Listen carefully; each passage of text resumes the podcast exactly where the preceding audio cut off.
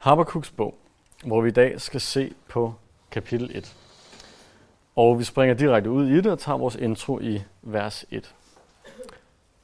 Det udsagn, profeten Habakkuk modtog i et syn. Helt standard intro for, øh, for mange, mange af de små profeter og profeterne generelt. Vi starter lidt med profetens navn, for det fortæller også meget om selve bogen. Øh, uh, Habakkuk kan betyde to ting. Det kan betyde enten at bryde, altså ligesom i en slåskamp, eller som man har set ved, ved OL. Øh, en brydekamp, det kan også betyde at omfavne, hvilket netop er det, du gør, når du bryder, så omfavner du din modstander. Øh, så det, de ligger naturligt og tæt op ad hinanden, de to ord. Og det, der bliver interessant, er, at vi kommer til at se, at Habakkuk kan gøre begge dele i den her bog. Han starter med at bryde med Gud. Han starter med at slås med Gud, så at sige ved at stille ham spørgsmål til, hvordan det lige er, at Gud og hvordan verden hænger sammen. Det er det, han indleder med.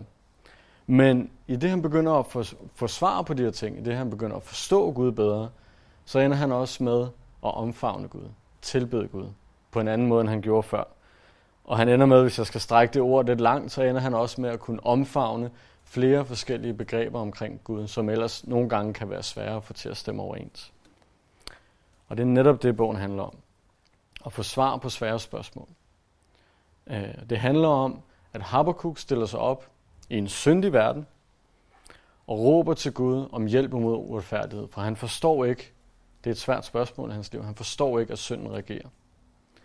Øh, men i det, at han, han får svar på sit spørgsmål, så bliver han bare endnu mere forvirret, fordi han forstår ikke helt Guds spørgsmål. Så han får endnu flere spørgsmål. Men det han så vælger at gøre, er, at han holder sig nær til Gud. Han går ikke væk i, i tvivl og i vrede. Han holder sig nær til Gud, prøver at forstå tingene, venter på Gud, og til sidst får han svar. Og til sidst kan han forstå Gud bedre, og dermed komme til en større lovprisning af Gud. Så det, der indledningsvis var et stort spørgsmålstegn, det ender med snart at blive et udråbstegn i lovprisning. Det, der startede med at være frygt og forvirring, ender med at blive til tro og tilbedelse. Og det er det, Habakkuk's bog kommer til at handle om. Lad os se lidt på profeten Habakkuk og på hans kontekst. Den, den tid, han levede i, og det sted, han levede. Han var formentlig, og jeg, jeg siger formentlig meget med de små profeter, fordi som I kan se, så står der, det udsagn, profeten Habakkuk modtog i et syn, år 16, nej, der står ikke mere end det. Så det er formentlig, men jeg synes selv, at det er et ret godt bud, jeg har fået samlet sammen her. Fordi noget af det, Habakkuk taler om, jeg kommer til at tale om, er Babylons angreb på Juda, som startede i 605. Så hvis han profeterer om det, så vil jeg umiddelbart skyde på, at han er før 605. Til gengæld, så taler han også om en meget, meget svær periode i Judas historie. Og den periode, tror jeg personligt, startede i 609 før Kristus. Før 609 var der en dejlig konge, I bør alle sammen kunne huske hans navn, om ikke andet så fremover, Josias. Josias var en af de bedste konger, Juda nogensinde havde. Han er en af de få, som er beskrevet som værende retfærdig. Han blev konge som 8-årig, ret tidligt. Allerede som 16-årig, stadig ret tidligt, begyndte han at indføre en masse reformer, der skulle fjerne en masse af den afgudstyrkelse, der var i landet, og få folket tilbage mod Herren. Han er en af de gode konger. Og grunden til, at jeg er sikker på, at det her foregår efter 609, det er fordi, at Habakkuk beskriver en meget svær periode. En periode, hvor synden herskede. Derfor må det være efter Josias, fordi der herskede synden ikke på samme måde.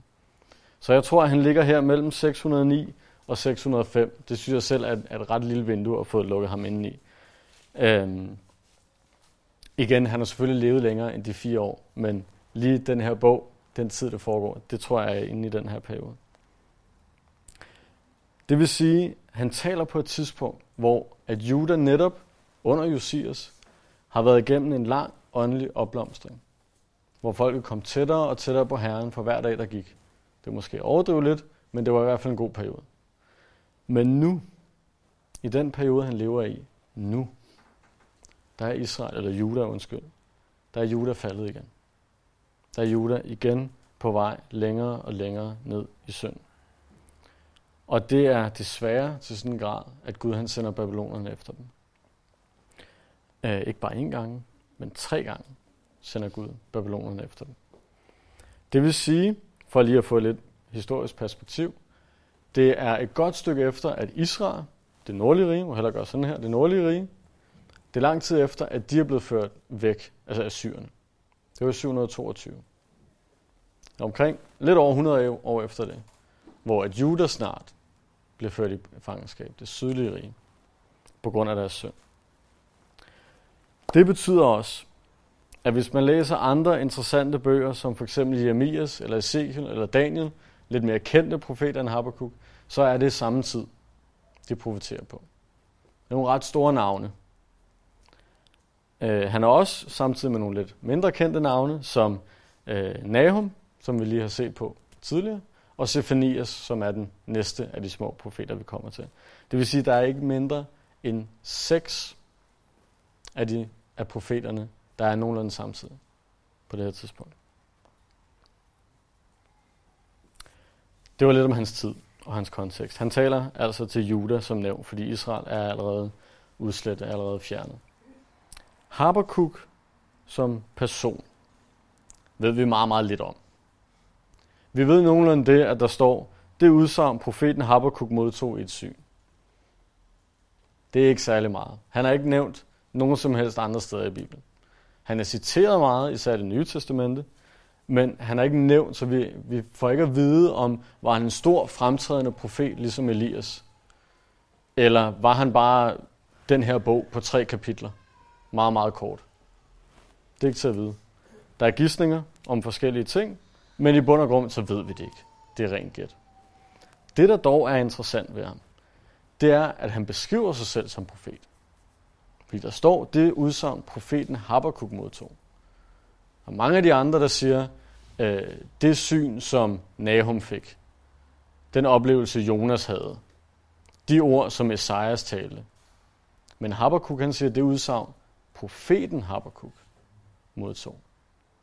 Og det gør, at nogen tænker, at han måske har været længerevarende, måske sågar professionel profet, fordi at han beskriver sig selv som en profet. Men igen, det er rent gæt. Et andet lidt finurligt gæt omkring ham, det er, at en af de apokryfe bøger, altså en bog, som er samtidig med det gamle testamente, testamente men ikke inspireret på samme måde som det gamle testamente, der bliver han øh, beskrevet som værende fra Levi-stammen, altså præstestammen. Og når man kigger over i kapitel 3 en lille hurtig gang, så står der også som overskrift der, profeten Habakkuk's bøn, al shigionot, noget som vi kender som en salme. Og der er flere musikudtryk gennem kapitel 3, fordi det er en salme. Så der er en andre, igen, det her det er gæt, det er gidsninger, men der er andre, der gætter på, at han har været præst. Han har været omkring, han har haft en musisk tjeneste omkring templet. Fordi han tydeligvis er musiker, og fordi at den her ikke inspirerede bog siger, at han er fra Levis stamme. Men igen, det er rent gæt. Der er også andre øh, overleveringer gennem jøderne, som siger, at han var fra Benjamins stamme, og så har han umuligt kun være præst. Så vi ved det ikke med sikkerhed. En ting er dog sikkert. Han var profet og musiker. Så ved man det. En, synes jeg, meget interessant ting omkring Habakkuk's bog, det er, at han handl, det handler ikke så meget om, at Habakkuk stiller sig op og profeterer for folket, ligesom alle de andre profeter. Det, det ser vi nærmest ikke. Han, han taler ikke så meget til folket på vegne af Gud, som vi ellers normalt ser en profet gøre. Han går mere op i at stille Gud spørgsmål. Han går faktisk mere op i at få styr på et, på et teologisk problemstilling, end han gør at, at fokusere på folket og deres velbefindende. Det er lidt atypisk for en profet. Han spørger mere, end han, han taler. Men det, der er så spændende med Habakkuk's bog, og grunden til, at den selvfølgelig er inspireret sammen med resten af det gamle testamente, det er, at i de her spørgsmål, og selvfølgelig især i de svar, Gud giver, så bliver det en prædiken til folket. Og det bliver også et ord til os i dag. Og det bliver måske et meget teologisk svar, men Bibelen er også en teologisk bog, hvis du ikke skulle opdage det endnu. Og så er det selvfølgelig en interessant ting at sige, at selvom han har fokuseret mest på et teologisk spørgsmål, så ender det stadig med at blive til opbygning for hele folket. Det synes jeg er en vigtig pointe at lave. Bogen her kan deles op i to dele. De første to kapitler har jeg efter Habakkuk's navn givet overskriften Habakkuk bryder med Gud. Og kapitel 3 er, at Habakkuk omfavner Gud. Så det er hans navn, vi ser. Og netop som sagt, de to første kapitler bliver det her teologiske spørgsmål, han har, som ender med at blive dybt personligt for ham også. Lad os starte med at se på de første tre vers efter vers 1, hvor Habakkuk stiller spørgsmålet, hvorfor hersker uretfærdighed blandt Guds folk? Hvor længe, her skal jeg råbe om hjælp, uden at du hører? Skrige til dig om vold, uden at du frelser? Hvorfor lader du mig opleve uret, og ser roligt på ulykken? Undertrykkelse og vold møder mig.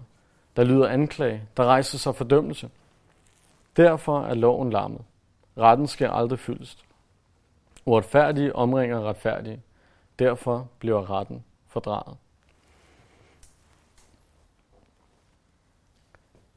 Så Habakkuk har et problem. Og derfor stiller han sig op og råber til Gud om hjælp. Og det er, ikke, det er ikke bare et råb om hjælp mod det her problem, det er også et råb om forståelse, fordi han forstår ikke, hvorfor det her problem overhovedet er der.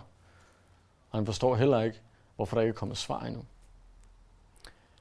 De første to kapitler, som er det her, den her søgen efter et svar på et spørgsmål, bliver samtidig en dialog mellem Habakkuk og Gud. Først ser vi her, Habakkuk han stiller et spørgsmål. Den næste passage, der svarer Gud. Passagen efter stiller Habakkuk et spørgsmål. Passagen efter, der svarer Gud. Så det bliver en tæt dialog mellem Gud og hans profet. Det umiddelbare problem, som Habakkuk kan har, det er, at uretfærdighed hersker i Juda. Han nævner flere ting. Han nævner vold, han nævner uret, ulykke, undertrykkelse, vold igen, samt anklage og fordømmelse. På bare tre vers. På bare tre vers. Og frugten af alt det her, det er, han også fornævnt i vers 3, at loven er lammet. Der står, at uretfærdigt de omringer retfærdige. Så retten er fordraget. Retten er sat ud af spil. Der hersker ikke ret og retfærdighed. Det er ret tydeligt, hvad i hvert fald Habakkuk synes, der foregår i landet. Synd på synd på synd. Og det, der er interessant ved den synd, det er, det er specifikt og meget, meget tydeligt synd mod andre mennesker. Når man går igennem de små profeter, så noget af det, man ser rigtig ofte, det er afgudstyrkelse. Det er prostitution, eller hår, om man vil. Øh, andre ting, som i og for sig, i hvert fald i første omgang, ikke er skadeligt over for andre mennesker. Hvis jeg går herover i hjørnet under den her plante og tilbeder planten som min afgud, så skader det ikke jer. Jo, måske hvis jeg står lige her, det vil være lidt forvirrende. Ikke? Men hvis jeg gjorde det derhjemme, så skader det ikke andre mennesker. Men de ting, der står her, der står meget specifikt vold og undertrykkelse og anklager. Du kan ikke, du kan ikke undertrykke nogen, uden at det går ud over nogen. Du kan ikke være voldelig, uden at det går ud over nogen. Det, det ligger i, i, i begrebet af de ord, indbegrebet af de ord, at det er mod andre mennesker. Og det er de ting, der bliver gentaget igen og igen her. Så ikke bare har folket forladt Gud. De har også forladt hinanden. De er også onde og voldelige mod hinanden. Som sagt tidligere, så har Habakkuk formentlig levet en stor del af sit liv med Josias som konge. Han har formentlig levet på et tidspunkt, hvor alt, i hvert fald åndeligt set, var godt. Der var vækkelse. Folk kom i templet og tilbad. Alt var godt. Og det gør også, at, at Habakkuk ved udmærket, hvor godt det kan være. Nogle af de andre profeter, de har ikke oplevet andet end synd. Det eneste, de har sammenlignet med, det er, at de ved, hvor god Gud er. Men Habakkuk, han har oplevet, hvor godt tingene kunne være, når folk fulgte Gud. Og nu står han i den helt anden situation. Og derfor råber han til Gud om hjælp. Det er som sagt hans umiddelbare problem. Det er det, der foregår i landet. Og som om det ikke er slemt nok, Så han ikke bare skal bakse med, at det her det er lidt hårdt, fordi alle andre er nogle syndere. Var han nok også selv, men det er ikke hans eneste problem. Han har også råbt til Gud om det her i lang tid. Han, han siger, hvor længe herre skal jeg råbe om hjælp? Han skal både bakse med, at alle er nogle syndere, og det er nogle trange tider, og der er ingen, der lytter til profeten. Han skal også bakse med, at hans Gud ikke lytter til ham. Gud, han svarer ikke, selvom han beder. Selvom han kan kigge rundt og tænke, det her er ikke som Gud ønsker det. Alligevel svarer Gud ikke. Og hvorfor gør han ikke det? Det er det problem, han står med. Hvorfor svarer Gud ikke, når tingene ikke er, som de skal være? Når tingene ikke er, som jeg ved, Gud ønsker, de skal være? Det er et endnu større problem end det første. Og det er det, han står med. Det er det, han råber om. Det er jo også en ting, vi ser flere steder i salmerne. Især udtrykket, hvor længe. Hvis du prøver at søge på, hvor længe i Bibelen, ikke her i papir, men på en computer, så dukker det op, jeg tror det var over 30 gange i salmerne alene. Hvor længe, Gud, skal jeg råbe til dig, uden at du hører, uden at du svarer? Det, der især gør det interessant ved det her, det er igen, hvis nu Habakkuk han var en professionel profet, som nogen gætter på. Hvis han var fra Levis hvis han var præst, så har han formentlig haft sin teologi i orden. Så har han læst sit gamle testamente flittigt. Det tror jeg, han har gjort alligevel, fordi jeg tror ikke, at Gud vælger en tilfældig. Jeg tror, han vælger en, der er tæt på ham. Men han har haft sin teologi i orden. Han har vidst, at Gud er god, og han har vidst, at netop de her ting, han har oplevet, stemmer ikke overens med, hvad Gud ønsker. Og det er det, han ikke kan få til at hænge sammen. Han forstår ikke, hvorfor Gud ikke gør noget. Så det her, det, det bliver en, en blanding mellem, øh, åh, vi har det hårdt, straf den her synd, og så mellem, jeg forstår ikke, hvad der foregår. Og så helt over den anden grøft, hvor det er sådan lidt af en klage, Gud, hvorfor gør du ikke noget? Så det, det er både en frygt over for, hvad der foregår i landet, og det er en undrende over, hvorfor det foregår, og det er en klage over, hvorfor Gud ikke gør noget. Alt det på én gang står Habakkuk med. Gud svarer ham i den næste passage fra vers 5 til 11. Se jer om blandt folkeslagene. I skal blive stumme af undren, for jeg udfører en gerning i jeres dage, som I ikke vil tro, når den bliver fortalt.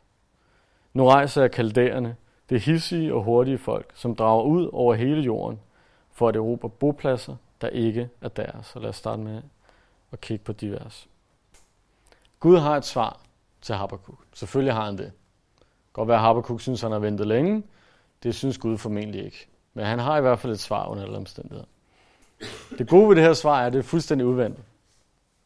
Habakkuks spørgsmål var, hvorfor hersker uretfærdighed blandt Guds folk? Og Guds svar er, jeg straffer uretfærdigheden gennem kaldererne. Som så ofte før, det er også noget, man ser Jesus gøre ret tit, så svarer Gud på spørgsmålet, uden at svare på spørgsmålet.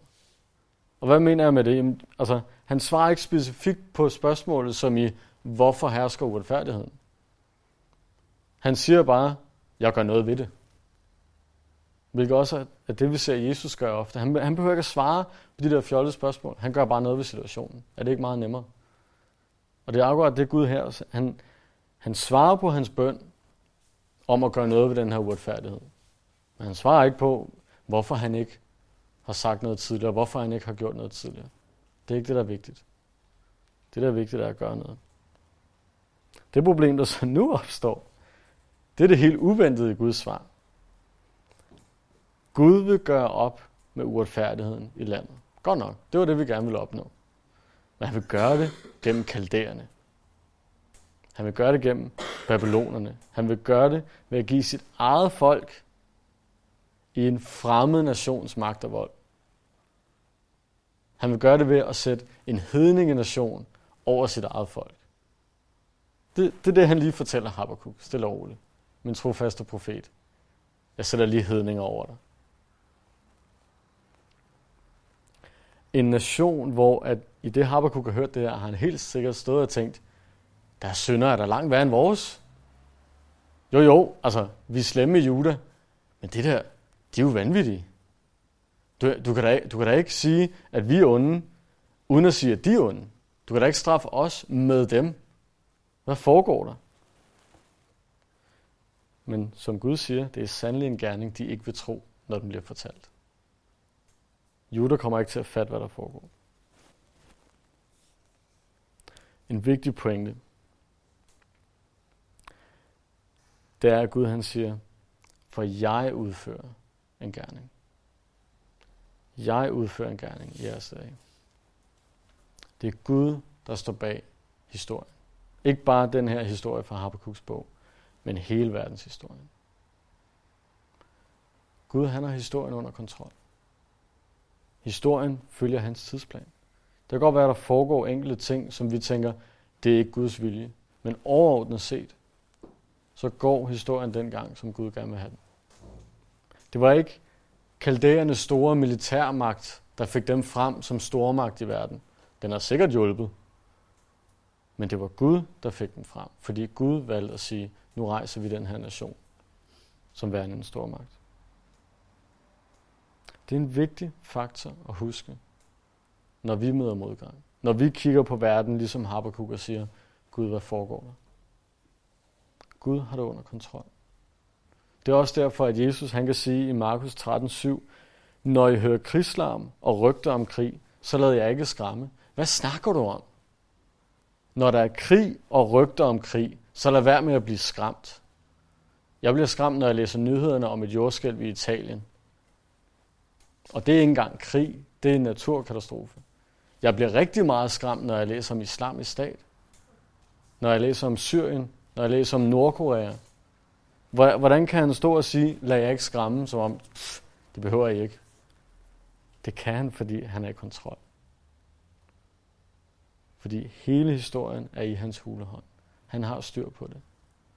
Så når han siger i det her tilfælde om de sidste tider, der kommer krig, der kommer rygter om krig, men lad jer ikke skræmme, så er det vi, vi kan stole på, at vi er i hans hånd, uanset hvad. For han har styr på det. Nå, nok om det. Hvem er de her kalderer, som jeg står og taler så meget om? Vi læser først og fremmest om dem i de næste på vers, fra vers 7. Grusomme og frygtelige er de. Deres lov og ret skal fyldes.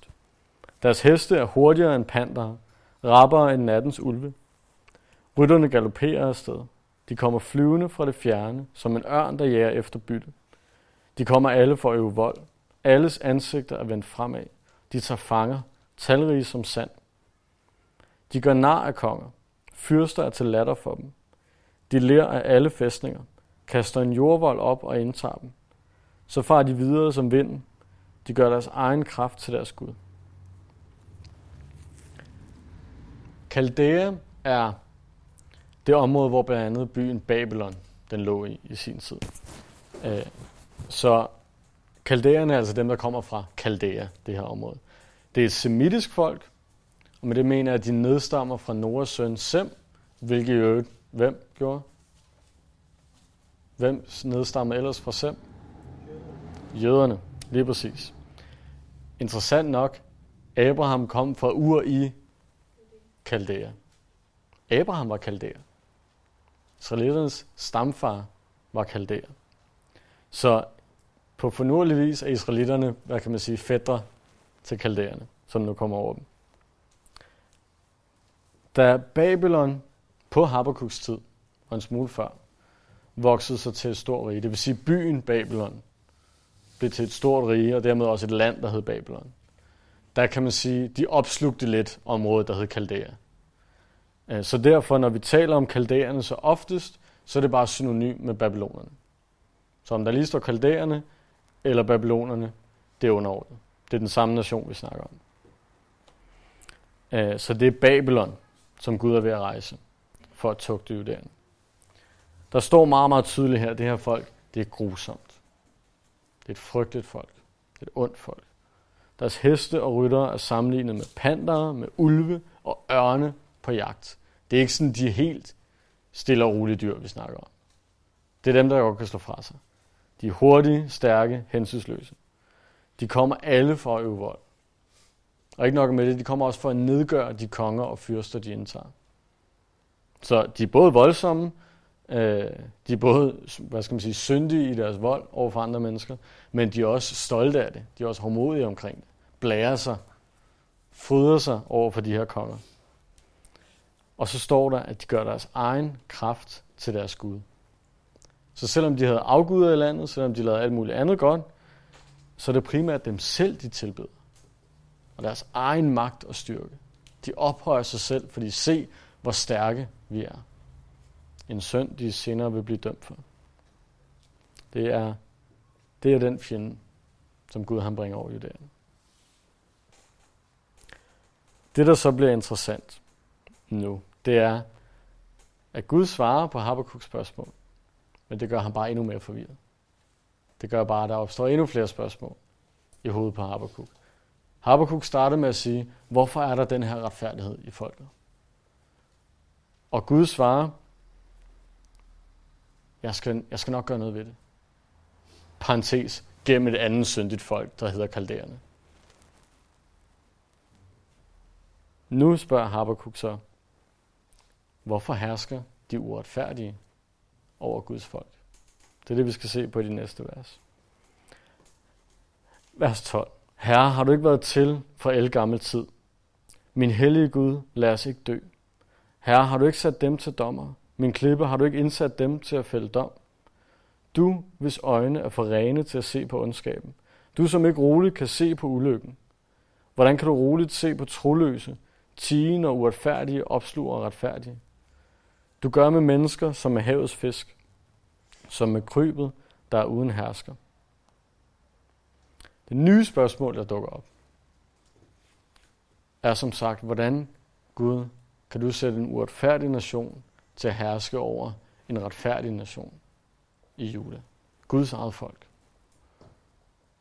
Ligesom tidligere. Godt nok er vi syndere her i Juda, men de der babyloner, de er jo, de er jo barbariske. De er jo, de er jo homodige, de er voldelige. Hvordan kan de være bedre end os? Han siger måske, jeg kan godt forstå, at vi skal disciplineres. Men hvordan kan det der være dit værktøj? Hvordan kan det der foregå? Som sagt, han, han forstår ikke løsningen. Han forstår ikke svaret. Det svarer lidt til, hvis du kommer op til lægen, og du siger, jeg har koldbrand i begge mine hænder. Hvad gør vi? Kan, kan du ikke helbrede mig? Og lægen så siger, jo, desværre, jeg er ked af det. Vi er nødt til at skære begge hænder af. Ah, hvad, altså, rolig nu. Eller, rolig nu. Jeg vil gerne kureres, men du har jo tydeligvis ikke forstand på, hvad det er, du laver. Det der kan jo ikke være en mulig løsning. Jo, det kan det godt. Men det er det samme, Habakkuk kan sige her. Vi skal have en løsning. Jo, jo, men du har ikke styr på det, Gud. Der, der er noget galt. Det der, det stemmer ikke overens. I vers 14 står der, du gør med mennesker som med havets fisk. Det skal formentlig igen forstås som et spørgsmål. Hvorfor gør du med mennesker som med havets fisk? Og med mennesker mener han selvfølgelig sig selv og resten af Juda. Hvorfor gør du Guds folk som simple fisk, som let kan fanges, som let, øh, let kan fortæres af andre mennesker? Igen, han kan godt se, at der er et problem. Han kan godt se, at der er en sygdom af synd i landet. Men han kan ikke forstå kuren. Han kan ikke forstå medicinen.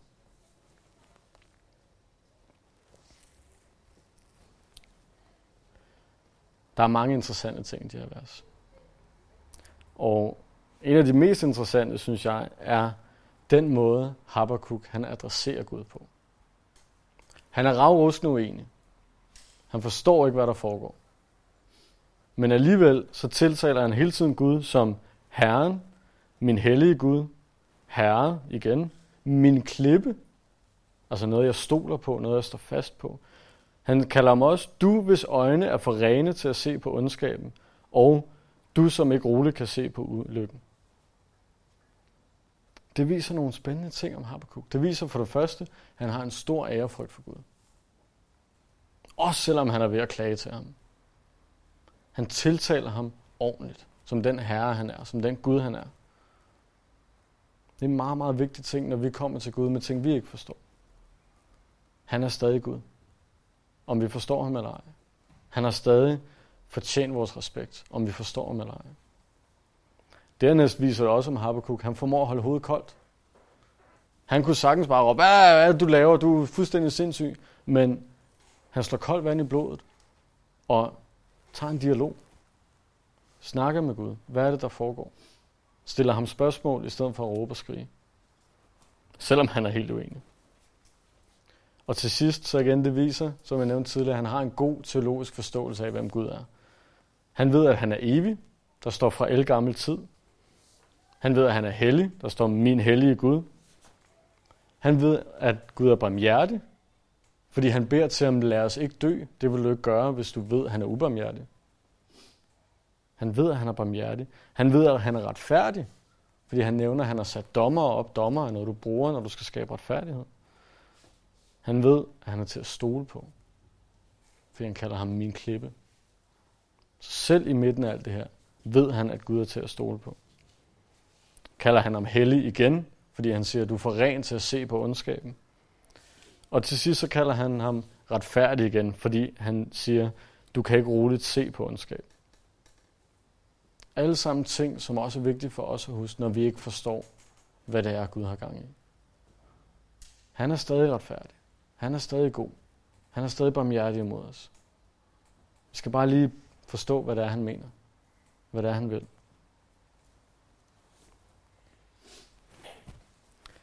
En anden vigtig ting, som jeg allerede har været lidt inde på, det er måden, Habakkuk argumenterer på i sin bøn til Gud. Eller først og fremmest måden, han ikke argumenterer på. Fordi han siger ikke til Gud, at Gud skal velsigne dem, fordi det er det, de rigtig, rigtig gerne vil have. Åh Gud, vi har virkelig brug for det her. Og det ville være virkelig, virkelig dejligt, hvis du gjorde det. Så kunne du ikke lige tage at velsigne os. Han siger heller ikke, at han skal velsigne dem, fordi det er det, der er smartest og klogest. Gud, jeg har tænkt meget over det her. Og jeg er kommet frem til, at det her det er det bedste. Så hvis du bare lige klarer den, så, så er alt fint. Jeg har regnet den ud. Sådan argumenterer han heller ikke. Og til sidst, så bruger han heller ikke den mest velkendte. Han siger ikke noget om, at han skal velsigne dem, fordi Juda er så god og artig. Nå, Gud, jeg ved godt, at der var den der svipser i sidste uge, men altså i den her uge, der har jeg gjort det og det, og jeg lod være med at gøre det og det, så nu kan du godt velsigne mig. Det siger han heller ikke. En lille note til det. Godt nok, så siger han, han sætter spørgsmålstegn ved, hvordan Gud kan, står der, tige, når uretfærdige opsluger retfærdige. Så han, han hentyder til sig selv og til Judas som retfærdig. Men det er smart et udtryk for, som jeg nævnte i starten, snart udtryk for, at han undrer sig over, at uretfærdige kan herske over nogen, der er gjort retfærdige i Guds navn ved tro på ham. Det er ikke fordi, han står og siger, at vi er så hellige og retfærdige. Han har jo lige klaget over den synd, der foregår. Og han står ikke og siger til Gud, hør nu her, vi er så gode og retfærdige. Men han ved, at de er gjort retfærdige gennem hans blod. Også selvom det ikke er sket endnu, men han bare ser frem imod det.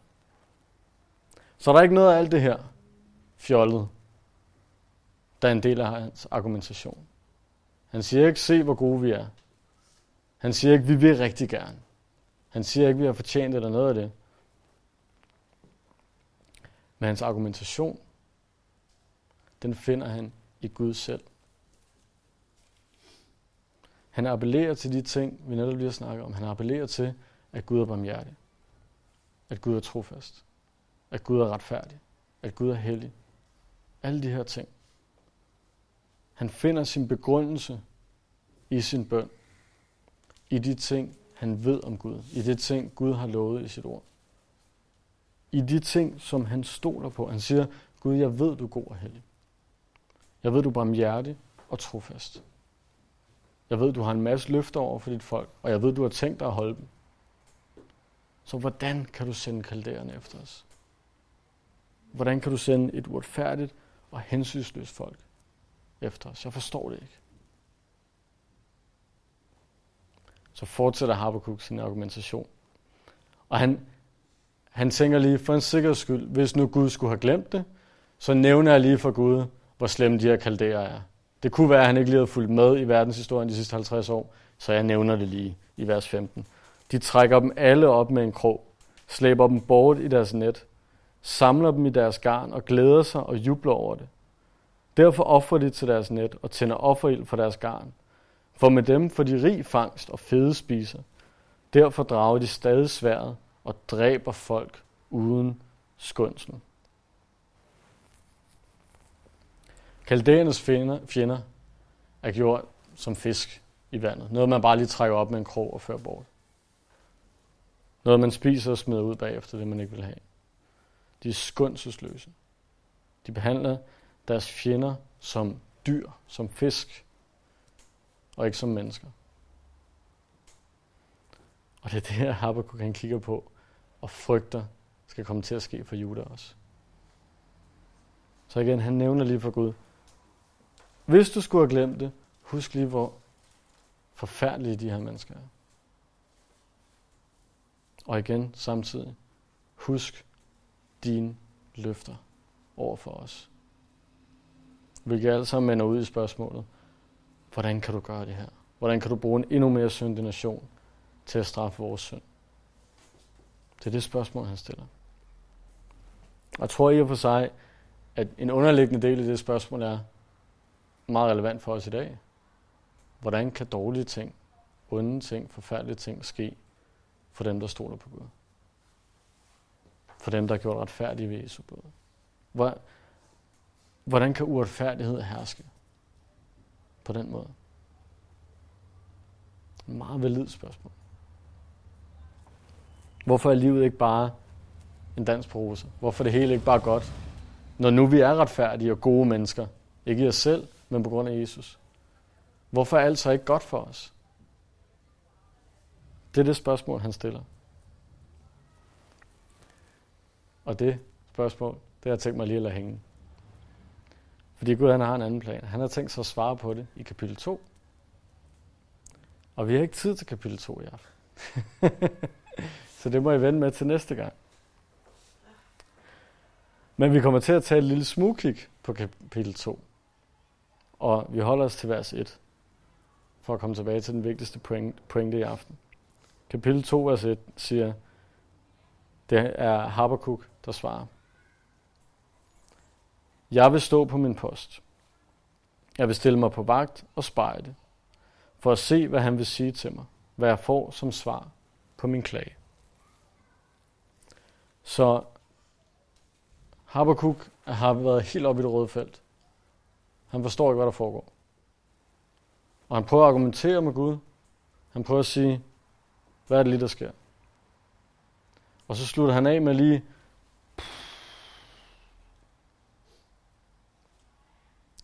Gud, jeg stiller mig her og venter på dig. Stoler på dig. Jeg venter på dit svar. Han siger, jeg vil stille mig på vagt og spejde, så det er noget, han vil se efter. Tålmodigt. Hvornår kommer svaret? Og det der er pointen er, at selvom Habakkuk han stiller spørgsmål, så skiller han ikke ud på Gud. Han er ikke trodsig, han er ikke belærende, han er ikke ulydig, han er ikke påstående omkring, hvad der rent faktisk er, der foregår. Han siger ikke, at han ved bedre end Gud. Alt, hvad han siger om Gud i kapitel 1, er sandt. Alle de ting, han baserer sit spørgsmål på, alle de ting, han baserer sin tro på, er sandt. Det er ting, han har fundet i Guds ord. Han ved, at de her ting er rigtige. Han stiller spørgsmål, fordi der er ting, han ikke forstår. Han kommer til Gud med en tvivl og en undren og siger, hjælp mig med det her. Jeg forstår det ikke. Jeg forstår ikke, hvorfor ondskaben rammer os. Jeg forstår ikke, hvorfor tingene er hårde. Jeg forstår ikke, hvorfor alle de her ting foregår i mit liv. Men han vælger at stole på Gud alligevel. Han klager, jo, det siger han sågar, at han vil vente for at se, hvad han siger til mig, hvad jeg får som svar på min klage. Det er en klage. Gud, jeg forstår det ikke. Men det er ikke en anklage. Han påstår ikke, at Gud er uretfærdig. Han påstår ikke alle mulige andre tossede ting. Han begynder ikke at skælde ud og sige, Gud, du er også bare forfærdelig. Han står med en undring og går i dialog med Gud. Det er interessant i New King James Version, engelsk bibel, der står det sågar som om, at han forventer at blive rettet. Der, den sidste del af vers 2 stiller sig op for at vente og se, hvordan du vil rette mig. Han ved, at der er noget, han ikke forstår ordentligt. Fordi han, han, han stiller sig op og siger, okay, jeg ved, at Gud er god og hellig og barmhjertig. Men samtidig foregår der uretfærdighed. Det forstår jeg ikke. Men jeg ved, at det må give mening, fordi Gud han er god og hellig og barmhjertig og trofast. Så jeg ved, at på en eller anden måde må det give mening. Derfor, når Gud svarer, så må jeg jo blive rettet. Så må der jo komme styr på det. Det må falde på plads. Det er akkurat den indstilling, vi skal have, hvis der er noget, vi tvivler om. Gå til Gud med din undring. Vær overbevist om, at han har et svar, for det har han. Jeg tvivler på, efter 6.000 års menneskehed, at du kan finde på et spørgsmål, som Gud ikke kan svare på. Han har formentlig fået spørgsmålet før. Så kom til Gud med din undring. Lad være med at skælde ham ud. Lad være med at anklage ham. Lad være med at sige, at han er noget, han ikke er. Men kom til Gud, hvilende i det, du tror på og ved er sandt omkring ham. Og sige, Gud, svar mig på det her. Fortæl mig, hvordan det foregår. Og som den sidste ting gør, ligesom Habakkuk. Afvent. Tålmodigt. Det er ikke sikkert, at Gud lige svarer med det samme. Det kan være, at du skal råbe længe. Men Gud, han har et svar. For han er barmhjertig og trofast. Og han kan svare på alle vores spørgsmål. Gud, han svarer også Habakkuk. Men han svarer ham i kapitel 2. Med et af de vigtigste vers i hele Bibelen. Som er citeret tre gange i det nye testamente. Som ligger til grund for nærmest alt, hvad Martin Luther gjorde. Det svar har Gud, og det skal vi se på næste gang. Lad os bede. Far, tak først og fremmest, at du er god og barmhjertig og trofast. Nej, vi ved godt, vi ikke altid forstår dig. Vi, vi er bare ikke lige så dybe som dig. Vi er ikke lige så ophøjet som dig. Vi har ikke den samme viden, men her vi stoler på, at hver anden vi måtte have et spørgsmål, så har du svaret. Så er du svaret, så gør. Her tak for det. Tak, at du ikke lader os i stikken, men er trofast mod dine løfter, og selvom vi ikke kan se det. Her hjælp os til at vandre i tro på dig. Leve ved den tro, du har givet os. I Jesu navn. Amen.